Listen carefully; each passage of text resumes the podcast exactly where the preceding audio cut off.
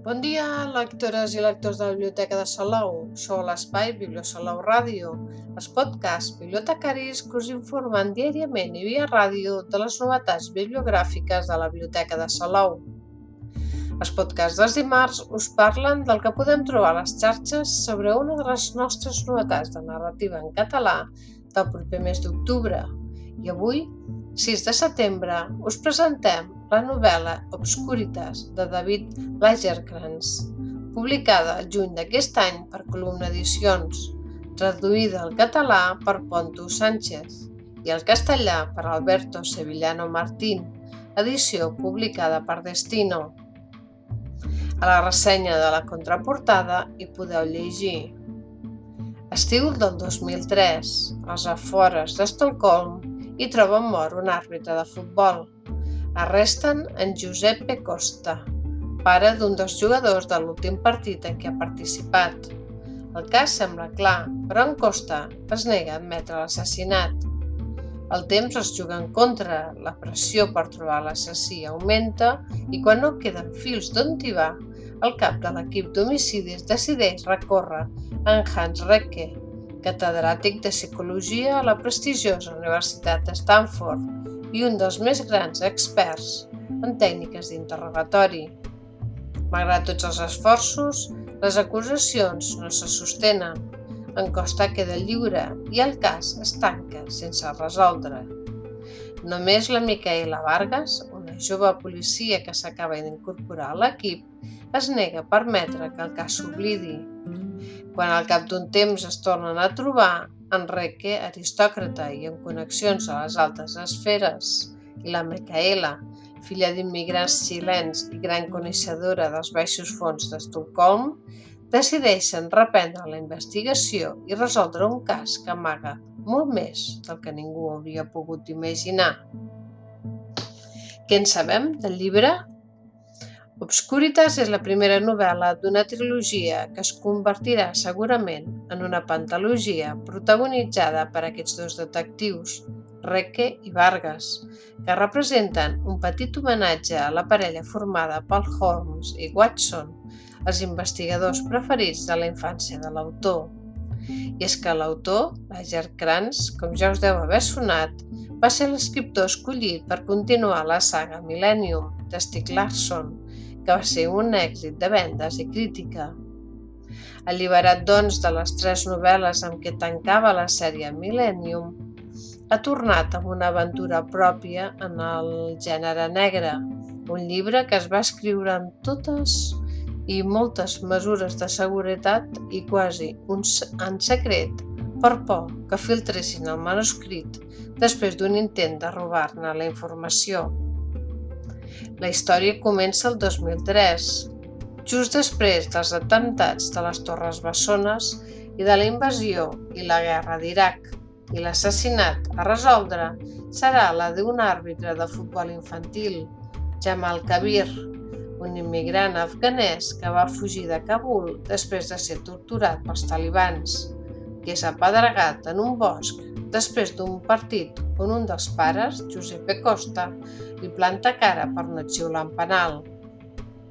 Es tracta d'un thriller polític amb ramificacions internacionals i un rerefons de crítica social que denuncia el racisme, les desigualtats socials i l'integrisme religiós, escrit no només per entretenir, sinó amb la intenció de fer reflexionar sobre els problemes més rellevants i obscurs de la societat actual, com la inestabilitat de la política internacional, la conflictivitat en els suburbis de les grans ciutats, la limitació de la llibertat d'expressió, l'ascens de l'ultradeta o la corrupció en el món del futbol, tots aquests temes que guarden una gran obscuritat.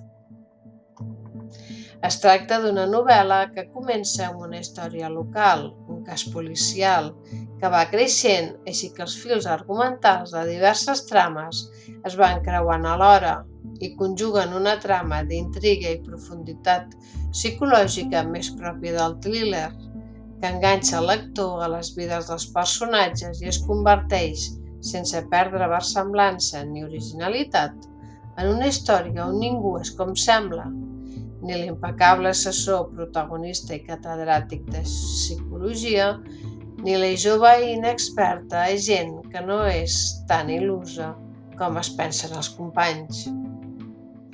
Entre d'altres secundaris interessants, destaca doncs la parella protagonista, que són de classes socials oposades i formen una parella que es complementen i es fan créixer com a personatges.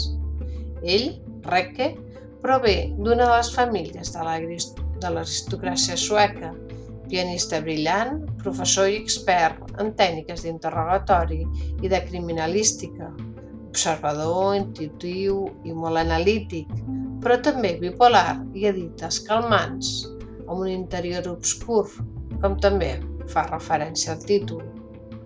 La seva parella i complement i estimula en la investigació, Micaela Vargas, és racional i ambiciosa, inexperta, però obstinada i persistent, sovint amb sentit d'inferioritat, atesa la seva procedència humil, filla d'immigrants xilens que fugiren de la dictadura de Videla, que ha crescut als suburbis de la ciutat on ha treballat com a policia de barri.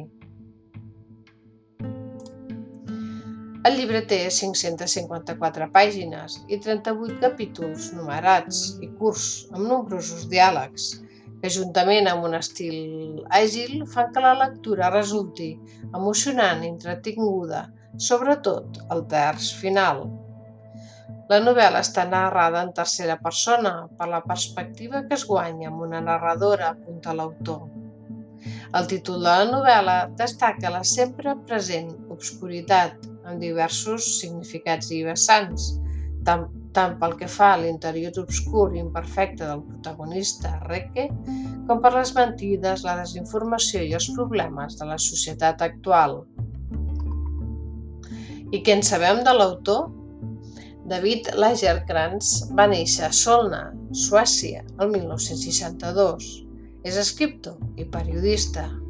Va debutar amb un llibre sobre l'aventurer suec Goran Kropp i de com va fer el cim de l'Everest, el qual va seguir la seva aclamada novel·la sobre Alan Turing, la novel·la L'enigma Turing, un thriller d'espies basat en fets reals. També és autor d'un dels llibres de més èxit de la història recent de Suècia, la biografia de Zlatan Ibrahimovic. Jo sóc Zlatan Ibrahimovic, exjugador blaugrana de futbol i actual davanter del Milan. El 2013 va ser escollit com a continuador de la celebrada sèrie Millennium iniciada per Stieg Larsson el 2005, amb les novel·les Els homes que no estimaven les dones, La noia que somiava un llumí i un bidó de gasolina i La reina al palau dels corrents d'aire, després de les quals Lager Krantz va escriure El que no et mata et fa més fort, L'home que perseguia la seva ombra i la que tanca la sèrie La noia que va viure dues vegades. Publicada a més de 50 països i amb més de 100 milions d'exemplars venuts a tot el món, la sèrie Millennium és un dels fenòmens literaris més importants de tots els temps. Podeu trobar les novel·les de David, David Lagerkrantz a la nostra biblioteca i la resta de llibres al Sistema de Lectura Pública de Catalunya i el Català Catena. I en digital podeu trobar el penúltim, la penúltima novel·la de la saga Millennium i aquesta novetat, Obscuritas, en català i en castellà.